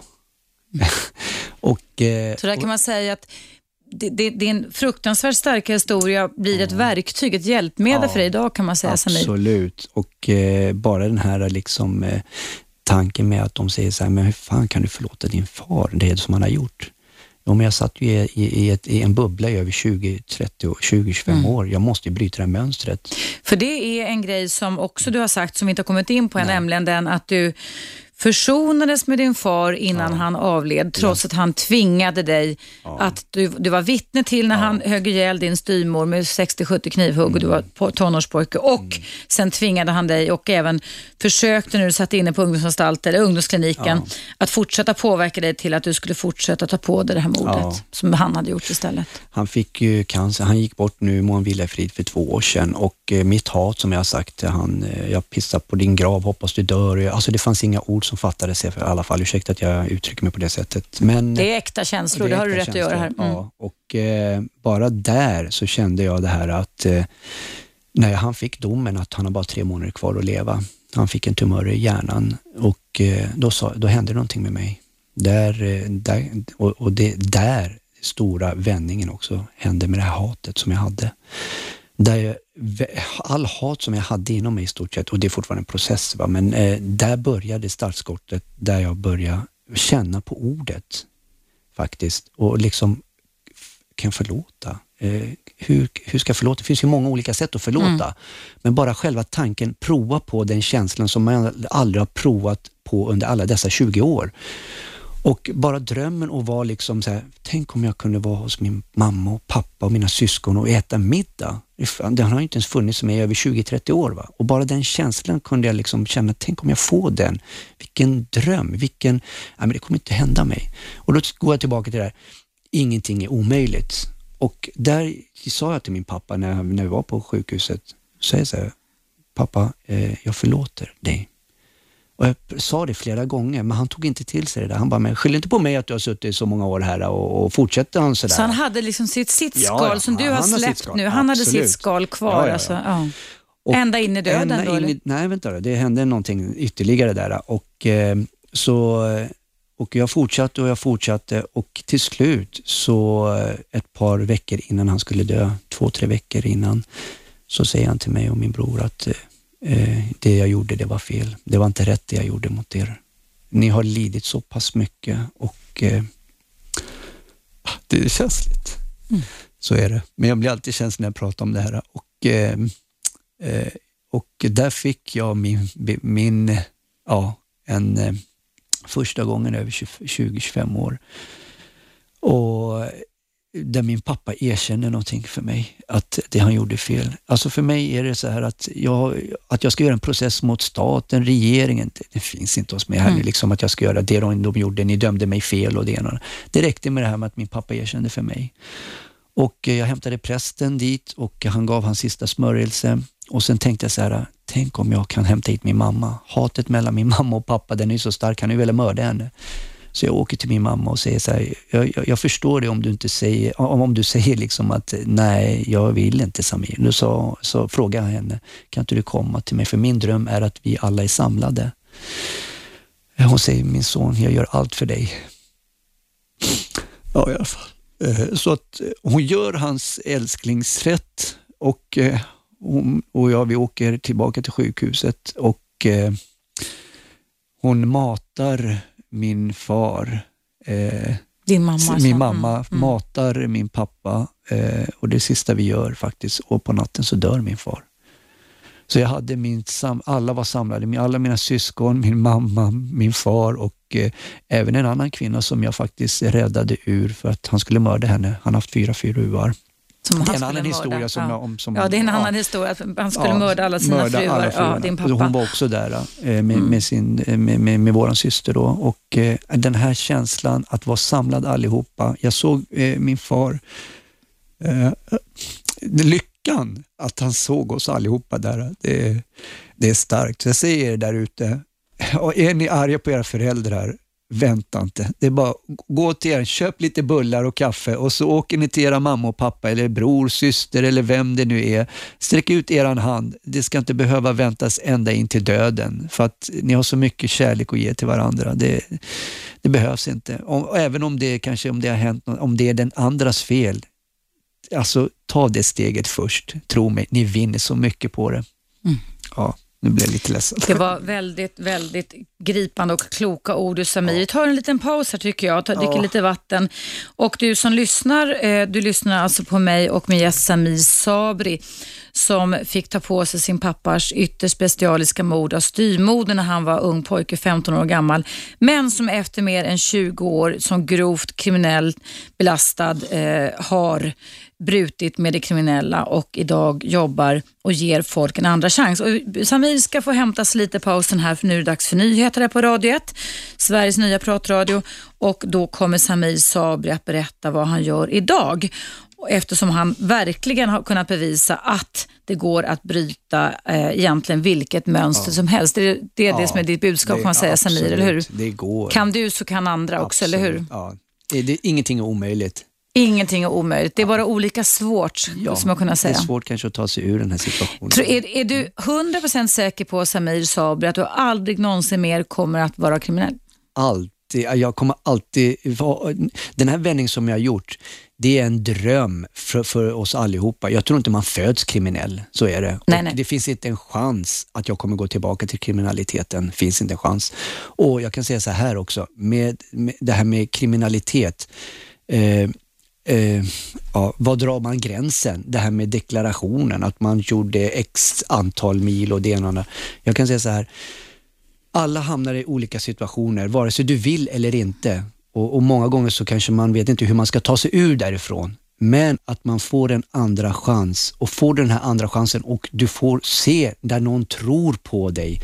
Där, där du får den här din bekräftelse att nu är det någon som ser mig och jag verkligen får, jag vet inte hur jag ska förklara, det, det är så otroligt, eh, det är så starkt när du får den här känslan att du får verkligen leva ditt verkliga liv och inte leva eh, ditt liv via någon annan. Alltså att någon, du ska leva ett liv för någon annan för att mm. han ska liksom slå dig på axeln eller det ena och andra.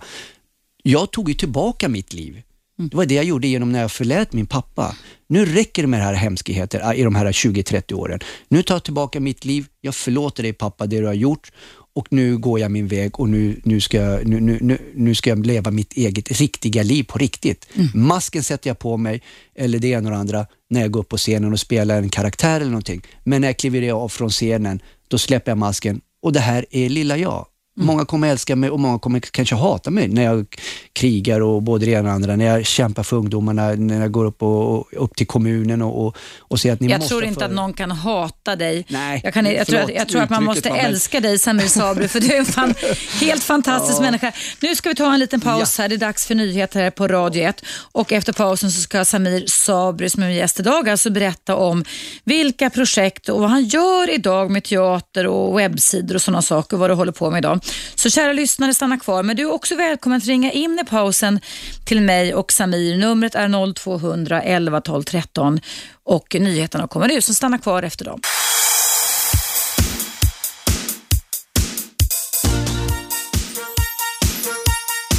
Radio 1. Eva Russ. Hej och varmt välkomna igen. Eh, idag har jag min gäst Samir Sabri här. Hej Samir. Hejsan hejsan. Och bara för om du råkar vara nytillkommen lyssnare så har han berättat här tillsammans med mig sedan klockan 10 då, om sin helt otroliga historia där han i mer än 20 års tid har fört ett krig mot sig själv och kan man säga ett krig mot samhället på grund av att han utvecklade ett oerhört starkt hat när han som liten pojke, 15-årig pojke, blev vittne till och påtvingad att ta på sig mordet på sin styvmorsmans far utförde. Det ledde honom in i en kriminell bana där det var eh, grova rån, över hundratals miljoner kronor i byten och 12 år effektiv tid i fängelse. Men sen fyra år tillbaka så är Samir helt omvänd och det skedde genom att du i fängelset fick kontakt med dig själv, dina känslor och Mm. genom en teaterregissör, Igor Cantillani. Cantillani. Jag tänker, kan lära mig det namnet. Vad gör du idag? I fyra år, sedan 2007 Samir, så har du helt slutat med att eh, att vara kriminell och du Mm. har sagt här att du kommer aldrig någonsin återgå till det och du sa innan pausen att din en av dina specialiteter idag, Mm. eftersom rån var din specialitet tidigare, det är att omvända grovt kriminella, gärna gängledare. Mm. Ja.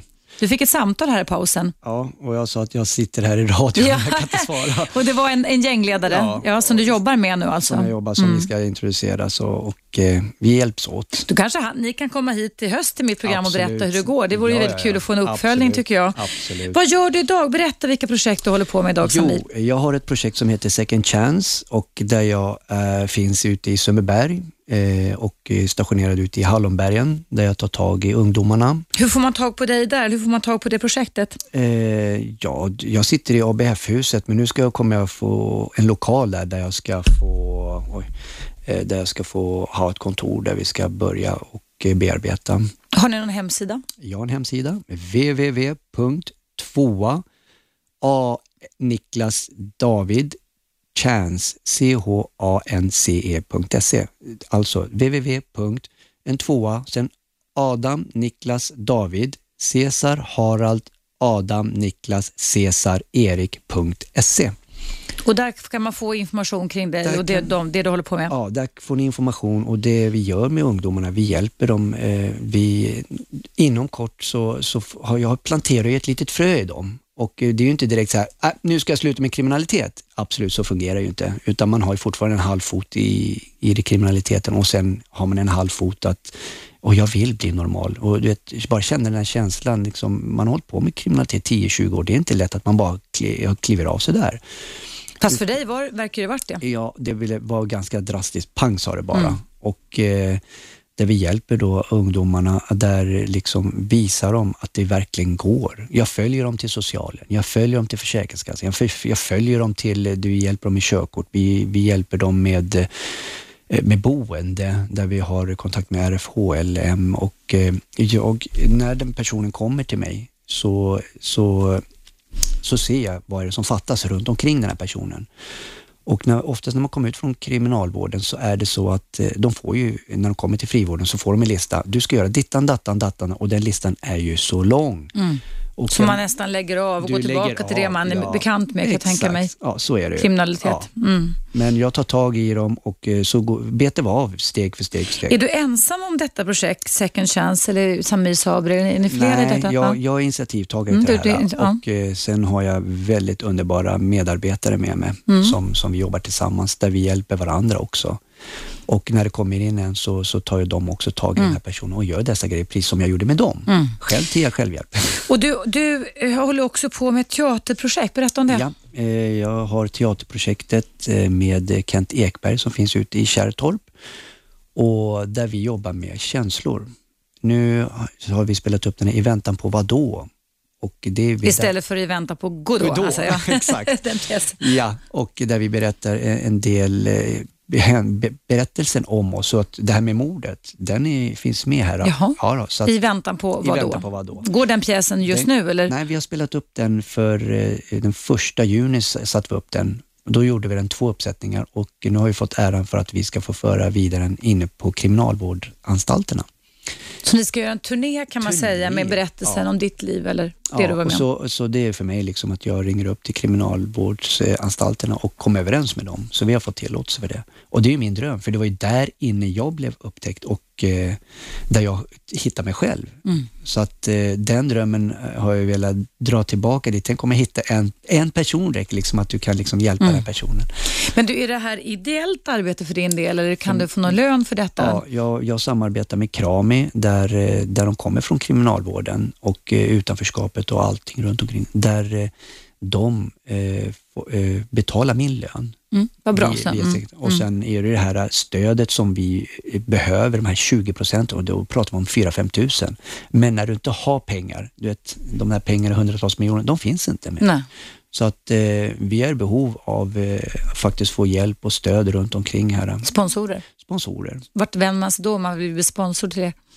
till mig Till, sec- till, till Second, Chance? Ja. Och, eh, vi har en styrelse och eh, där Hans Kilsved sitter, eh, där jag gick in och eh, vi har så här frukostmöten på ABF-husen på Sveavägen. Mm. Där jag har träffat olika politiker, författare och all VD olika företag där jag har Eh, jag har varit med nu i två, tre år sedan jag kom ut faktiskt. Och där jag har, det är en helt ny värld för mig i stort sett. Och där jag drar till med olika slags kontakter och, eh, och knyter an. Mm. Men jag säger som det är, det, alltså det är väldigt svårt att få pengar lite överallt där. Mm. Och jag kan ju inte dra på mig luvan igen för att jag har lagt av. Du har slutat som kriminell. Men Ja. då har du blivit Bullmannen istället, Ja. hörde jag någonting. Du sa till Gert Ja. Här inne. Vad är det ja, för någonting? Eh, jag, eh, jag kör lite bullar och mackor ute i företag eh, ute i Boulevard ute i Sundbyberg. Där jag hjälper till och, eh, och eh, sen tar jag med mig personer, eh, vänner och som är i second chance. Jag rycker upp dem sex på morgonen, kommer nu ut, nu går vi ut och kör lite bullar. Så jag började med en, en, en god vän till mig här som jag, vi har lärt känna jättebra med varandra, som, som är också inne i second chance. Och eh, början blev så här, vadå ska jag köra bullar sex på morgonen? Ja, det är klart. Fan, tänk dig hur det börjar med dagen med bulldoften. kan Mm, det är en härlig- det är en härlig härlig doft. känsla. Och det är det här jag menar, man måste se vad vi Alltså, hur vill du ha din dag? Det är du som gör Mm. din dag. Och jag börjar min dag med att dofta in den här bulldoften och det ger mig en kick. Mm. Så att eh, jag sitter och väntar när måndagen ska komma i stort sett. Inte det här liksom, åh gud vad jobbigt den här måndagen kommer. Ja, men det är klart, då har du redan satt de här hinder för dig. Mm. Då blir det jobbigt för dig. Så att, eh, ja. Ja, du, jag tänkte en, en helt annan sak, Mm. eh, om jag gör ett litet lappkast. Hur lever du idag med din familj? Du har ju haft en Mm. fru som varit trogen dig under din kriminella kar- eh, karriär i 21 år och ni har ett barn tillsammans också. Hur ser ert familjeliv ut idag i jämförelse med hur det var förut när du satt bakom lås och bom och nu de får komma och hälsa på dig i fängelset? Ja, jag, ja, jag kan ju säga så att jag ser dem betydligt mer och mer i alla fall. Eh, jag var ju borta under mesta tiden. Jag jobbade hårt innan och eh, sen var jag borta på nätterna. Nu så har vi ett familjeliv. Vi äter mat med varandra och visst, jag har mycket att göra också med våra ungdomar. Nu ska jag hitta min balans. Ja, för det låter som får- att du är upptagen Ja, ja. nästan dygnet runt. Du sa till mig att du Ja. sov bara tre timmar per natt, natt, nästan. Det det låter, blir lite, lite, lite, lite, lite Samir, tycker ja, jag. Men det, men det, har, nej, det är ju inte så att jag kommer hem just på, på natten där Nej. också. Nej, utan det har jag haft sedan länge tillbaka. Men min, min, min dröm är också att jag kan gå och lägga mig normalt klockan tio. Och, eh, Men, men, en är du hemma då? Har du svårt att, har du, svårt att lägga dig då? Eller vad är det Ja, som, det, det är väl någonting som ögonen drar inte till sig. Var det så när du satt inne i fängelse också? Nej, det, det var det faktiskt inte faktiskt. Kan Där- det vara fri, frihetslängtan, den här, alltså den här glädjen och Där- eufori man kan känna kanske Ja. att äntligen vara fri? Kan det möjligtvis vara så? jag, jag kan nog säga så här, när jag väl satt inne på anstalten, jag kan säga så här, ja, de flesta, tro mig, de som håller på med kriminalitet, det är en slags paus att komma in och sätta sig på anstalten. Många tänker så här, åh gud vad jobbigt nu att komma in på anstalten. För mig var det en liten befrielse. Nu kan jag dra ner på mitt stress som jag har där ute och det är en liten paus. Nu är jag inne på ett läger. Det är så här du måste liksom lura dig själv. Mm. Men om du går in och tänker, för jag har ju sett många slå sitt huvud blodigt inne på anstalterna och, och det är jobbigt och, och herregud. Men jag gick med en helt annan tänkande när jag gick in, utan Mm. det var mitt sätt att varva ner, pausa och sen planera och göra både det ena och det andra. Liksom ha lite semester, Semester, nästan när man sitter i faktiskt. fängelset istället. Och det är, det är många, för det är Mm. 24 timmar stress när man är här ute och är en kriminell person och, och ska hålla i och koll på alltihopa. Och Mm. Det mesta är när du drar runt, för när man är alltid fyra, fem personer I gäng så i gäng. Mm. och sen åker ni bil runt omkring och så ska man liksom dra ihop den här måltiden, för det kostar 500-600 att käka lunch och middag och det ena och det andra. Och det kostar ju en slant i Mm. månaden, så då måste du dra ihop det där och sen försvinner pengarna lika snabbt. Så att, eh, ja, Mm. så att, Ja, hörru du, det är många som ringer här och vi, det är dags igen för en reklampaus här på Radio 1, Sveriges nya pratradio. Frekvensen 101,9.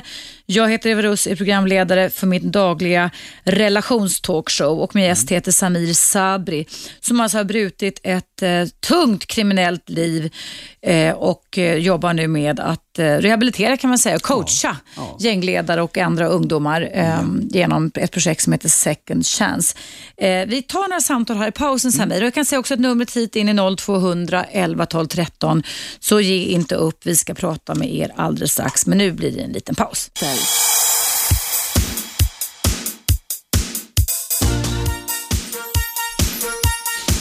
Radio 1. Eva Russ. Välkomna tillbaka. Idag i mitt direktsända relationsprogram pratar jag och har pratat med Samir Sabri. Hej Samir. hejsan hejsan. Du har ju gjort det helt otroliga, nämligen att vända en tung kriminell bakgrund i över 20 års tid till någonting bra. Berätta vad du jobbar med förutom det här second chance som du berättade om hemsidsadressen nyss. Eh, ja, men det, en, jag jobbar ju med Second Chance stort sett eh, dygnet runt och det är det här med ungdomar som jag jobbar och coachar och eh, samtidigt så har vi också en, en god vän, Ayayi, och eh, han gjorde också sin vändning. Och, eh, Från att vara Från kriminell. att vara kriminell och göra det ena och det andra. Och det är en jättegod vän till mig och gjorde han den här helvändningen och nu jobbar vi tillsammans med faktiskt och han har ett företag som heter Ur och Skur som jag drar ihop, för jag drar ihop företagen till Second Chance där ungdomarna kan komma in, där jag lär dem vett och etikett och liksom hålla tider och både det ena och det andra. Och sen får de gå ut och prova marknaden, arbetsmarknaden. Så för mig är det liksom att söka alla dessa arbetsgivarna då, arbetsledarna. Och eh, får de prova på. Och sen för grejen är att de ska ut i arbetsmarknaden. Och inte fastna i second chance. Eh, Det, det är inte så jag ska bygga upp second chance, utan de kommer in, vi hjälper dem och sen ska de ut i världen och eh, ha en familj och, och klara sig själva. Och, eh, men jag har en uppföljning, eh, jag klipper inte av svansen. Vad bra, vad bra, Det är bra. viktigt. Och kan vi också säga det Samir, att i pausen så ringde en trogen lyssnare, Ingvar, in och sa två saker. Vi kan väl säga vad hon sa. Dels så sa hon det att det var viktigt, det här, hon blev så berörd över att du, din far som tvingade dig att ta på dig mordet av din styrmor, att, att, att, ni, att han, det blev en försoning där Ja, precis försoning, tim, dag, timmarna innan han avled. faktiskt. vad tror du hade hänt om, han, om ni inte hade fått den försoningen Samir? Jag kan säga så här. eh, Eftersom ditt hat utvecklades genom att han svek dig som ja, tonåring. Jag kan ju säga så här, det, eh, jag har jättefina människor runt omkring mig och eh, som, som stödjer mig. Eh, Hans Kilsved, Yngve, Yngve Jansson och det, ja, jag kan nämna massa med namn. Va? Men grejen är, en del har också sagt till mig, Samir, du kanske inte får den där bekräftelsen från din far. Och, eh, men någonstans så måste man gå vidare. Grejen är så här, konsten är att leva med det bredvid. Jag tror inte man kan glömma någon sån här sak, för att eh, då lurar du dig själv på ett helt annat sätt. Utan du ska ju leva ett normalt liv med det här. Det här är ju ditt förflutna. En del av dig. En del av mig. Va? Mm. Så att eh, någonstans så måste jag kunna gå vidare med mitt liv. Mm. Och eh, det här är en process. Jag tror aldrig man blir klar med det här. Men att bara öppna den här dörren, att liksom ta, kliva ut och liksom, det här är jag och nu vill jag ta tag i mina problem. Lyft ryggsäcken som jag gjorde, Mm. på bordet och bena ut. Det kommer göra ont, det kommer komma tårar, det kommer komma massa med saker. Men jag tänkte så här bara, men herregud, det jag har gått igenom och jag lever idag, jag orkar inte vänta. Jag tar tag i det idag. Jag skjuter inte upp det en enda dag. Och från den dagen tills idag och sen framöver kommer jag fortsätta med det. Väldigt kloka insikter och kloka eh, eh, tankar, känslor och beteenden. Mm. Du, idag så är du fortfarande då gift med den kvinnan som Jag måste säga så här, ja. förlåt. Jag är förlovad. Vi har varit förlovade i 21 år. Jag har inte kommit Men till skott. då får ni väl ta och slå till då, Samir. Ja, det, det kommer den dagen Ja, också, tro men mig. ber, berätta vad hon håller på att utbilda sig till. Hon utbildade sig till socionom. Hon finns ute i, i Södertörns skola och jag fick ju äran med mina medmänniskor också med Second Chance där vi fick hålla våra, ett seminarium för alla Södertörn, eller för alla socionomer i Södertörn. Där vi berättade våra, våra liv och det ena och, andra. och de sa så här, det här var det bästa seminarium som vi har varit på. Det här är verkligheten. Och eh, tänk dig då med hennes, eh, där hon har varit med mig över de här, dessa 20 åren och eh, med verklighet och alltihop och sen att studera till socionom. Vilken kombination. Mm. Det är som mm. som Sopranos blir frälsta. Ja. där. Ja. Hörru Ja, det- du, ehm, finns det någon form av skuld och skamkänslor kvar inom dig för allt det ont du har gjort, Samir? Jag kan säga så här, det finns fortfarande. Och jag säger så här, jag kan inte gå och eh, ringa upp allihopa för det skulle ta åratal. Och jag ser så här att eh, det jag gör idag, Många säger så här, är det här ditt sätt att du betalar tillbaka? Ja, men vad ska man säga? Betala tillbaka det ena och det andra. Utan jag säger så här, det jag gör idag och eh, framöver, eh, någonstans så kommer jag möta människor där jag har skadats och jag är inte rädd för att möta dem faktiskt. För att det här är jag och eh, jag hoppas de kommer till mig. Och eh, där jag hjälper dessa människor och den jag är idag. Och jag kräver inte eller säger liksom ni ska förlåta mig för att jag gör det här idag. Absolut inte. Nej. Utan eh, därifrån person till person. Men jag, jag säger så här, jag, jag älskar det jag gör idag och jag mår bra utav det. För jag säger så här, man ska göra det man mår bra utav det. Och eh, det är det jag gör. Och jag kommer möta, och den, den, om jag säger så här, den mest fruktade personen som jag är, alltså den som jag är rädd för. Jag har ju gått igenom både det ena och det andra, jag har sett död och mord och alltihopa. Men jag kan säga så här, det är min lille son. Mm. Han är jag rädd för. För att det kommer komma en dag där han står och tar tag i mig och liksom, vad har du varit alla dessa år? Mm. Han är 13 år, min, min, min kille. Och, eh, eh, och eh, den dagen kommer komma. Och ja, då kommer jag stå där och, och berätta både det ena och det andra. Men nu är han 13 år, jag tror inte han är riktigt mogen, men han vet ju vad jag går för igenom för en process Mm, just nu och han ser ju att jag hjälper människor och Mm, alltihopa. mm. Och ni vet ju internet, det går ju väldigt snabbt att ta reda på Oh ja. både det ena och Oh ja, man kan googla på det med Ja, och andra. då. Du, en annan Men, sak tänkte ja. jag på. Din bror, Ja. som också då blev vittne till detta Ja. ytterst bestialiska mord när ni var tonåringar. Han var 12 år. Hur har det gått för honom då? Eh, Han jobbar nu också med ungdomar. Mm. Konstigt eller? Fick han också det här hatet installerat i sig då? eller? Jag tror han också haft ganska mycket hat om olika saker, men han har ju bearbetat, från, från sin sida så vet jag att han också bearbetat de här känslorna och gått igenom både det ena och det andra. Mm. Eh, det jag gör nu, det är väl ytterligare ett steg i processen där jag går ut till allmänheten och berättar. Det kanske inte han har gjort det, va? men a- allt, allt har ju sin tid och eh, jag tror att han är också väldigt långt på sin väg. Mm. Och eh, det är inte så här att man glömmer bort, eller att man ska glömma bort. Och det man har varit, jag har ju varit med om det här nu i stort sett i 20 år. Jag tar ju tag i det här, men jag kan inte slänga det här. Kan jag göra någonting nytta? Det måste ha varit någon mening med det här också. Så jag tar ju all den här och för över till den här positiva kraften och jag har ju fått en sån bra gehör och, och feedback tillbaka så att det jag har gått igenom där, det, det ska jag inte lägga bort utan ta fram det och, och, och kan du hjälpa någon annan med den situationen och, och, och historia så att eh, nej, det, det är fantastiskt. Men min bror, eh, jag har min, min bror och eh, fyra, fem, sex systrar. Du säger jag fick till och med räkna. Ja. Har, min mamma och pappa har ju skilt sig för länge Ja. tillbaka. Ja. så att, eh, jag har ju systrar på, på den sidan också. Och eh, vi, vi har jättebra kontakt med varandra och det är fantastiskt och eh, alla har vi gått igenom på olika sätt. Och det är väldigt viktigt där man, där jag kan säga så här, där jag ser min pappa bodde i Tensta, hans bror bodde i Rinkeby och hans syster, Må vila i frid, hon gick bort för en vecka sedan, vi har haft begravning och allting. Hon bodde i Hjulsta, men de pratade inte med varandra. Nej. Det är en tunnelbanestation ifrån varandra. Alltså det, är- det, det är hemskt det där. Så att det man har sinsemellan, eh, snälla, ta en lite bulle och fika och, och säg eh, ja, jag älskar dig, jag har gjort någonting fel. Kan vi göra någonting? Kan, kan vi lappa ihop? Är det, vad är det, vad är det, varför är vi ifrån varandra? Vi är bröder, vi är systrar. Tro mig, ni vinner så otroligt mycket på det. Det, det, det, det är det här vi är rädda för. Vi är rädda för de känslorna. Och vågar du ta tag i de här känslorna, tro mig, du får hundra mycket eh, tillbaka. Det, och så när man har tagit det där steget, då känner man så här, varför gjorde jag inte det här förr? För eh, 10-15 år tillbaka. Herregud, ta, åk nu, redan nu, behöver inte sitta och vänta. Varför sitta och vänta? För oftast brukar det bli så att man sitter och väntar och möter upp den personen på dödsbädden. Det behöver inte ske. Så att eh, ta det i akt, gott folk. Mm. Och du kan väl verkligen vidimera avslutningsvis med mm. Sabri att det är aldrig för sent aldrig. att ja. ändra om sitt liv. För det är väl du verkligen ett levande mm. exempel på. Absolut. Du, en jättekort fråga på mm. slutet. Vad tror du du var? Du sa att din far som fick dig att ta på dig mordet ja. av, som han utförde då ja. när du var ung pojke. Men han mordhotade fyra fruar och verkställde ja. ett mord. Var kommer det hatet ifrån? Har du funderat någonting på jag det? Jag har ju funderat, han har ju berättat lite grann om eh, kriget där ute i Libanon och allt det mm. där elände, så att han har ju också sin ryggsäck mm. och eh, han har ju inte bearbetat det. så att jag brukar alltid tänka så här att tänk dig alla dessa barn som har sett eh, mm. alla hemskheter, vittnen till, vittnen mm. till olika mm. hemskheter när de kommer hit.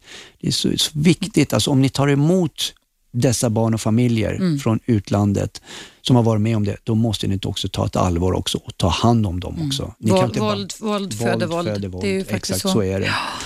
Du Samir, mm. det har varit oerhört intressant att ha dig här idag och jag kan säga tackar, till tackar. lyssnarna då att som sagt var, ditt, man kan hitta dig på www.2 en tvåa och sen and andchance.se och där mm. får man alla kontaktuppgifter till dig, Absolut. Samir Sabri.